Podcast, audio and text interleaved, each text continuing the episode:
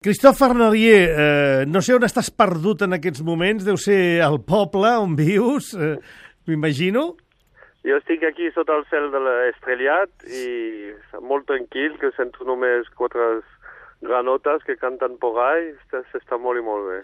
Bona nit i benvingut a la finestra en discreta, amic. Molt, moltes gràcies. M'agrada molt aquesta finestra, que sigui tan en discreta. Aquesta història d'aquest noi eh, que se'n va i desapareix a les muntanyes i teòricament passa 14 anys perdut a les muntanyes. Almenys aquesta era la història real, la, la que t'inspires, no? Una història andalusa que va passar el 1994, Sí, que és el que et va impressionar tant d'aquesta història i també de la història de Walden.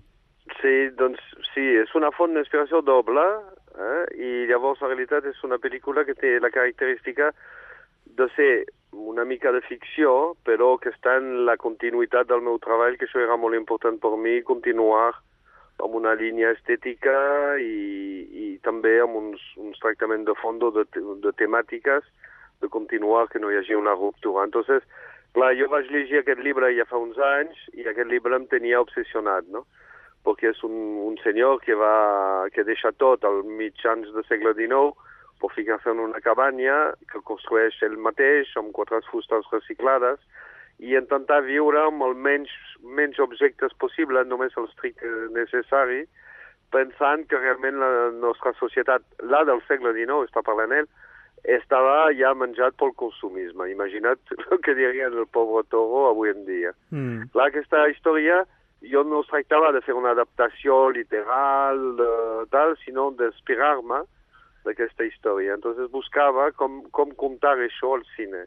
I llavors quan uns guionistes de Madrid, en Pablo i en Daniel Remon, em van plantejar aquesta història real que havia passat a Andalusia, que és bàsicament molt senzilla, és una història trista fins i tot al principi, no? un senyor jove que es vol matar, que això és una plaga que tenim a la nostra societat en aquell moment, molts i molts suïcidis, aquest home pues, se'n va al bosc i a partir d'això no es mata i sobreviu. No?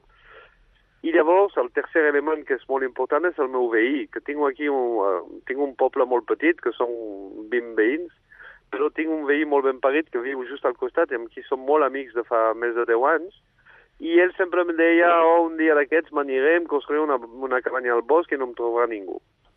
I jo pensava, bueno, pues podríem agafar la càmera i anar al bosc i a veure com construeixes la, ca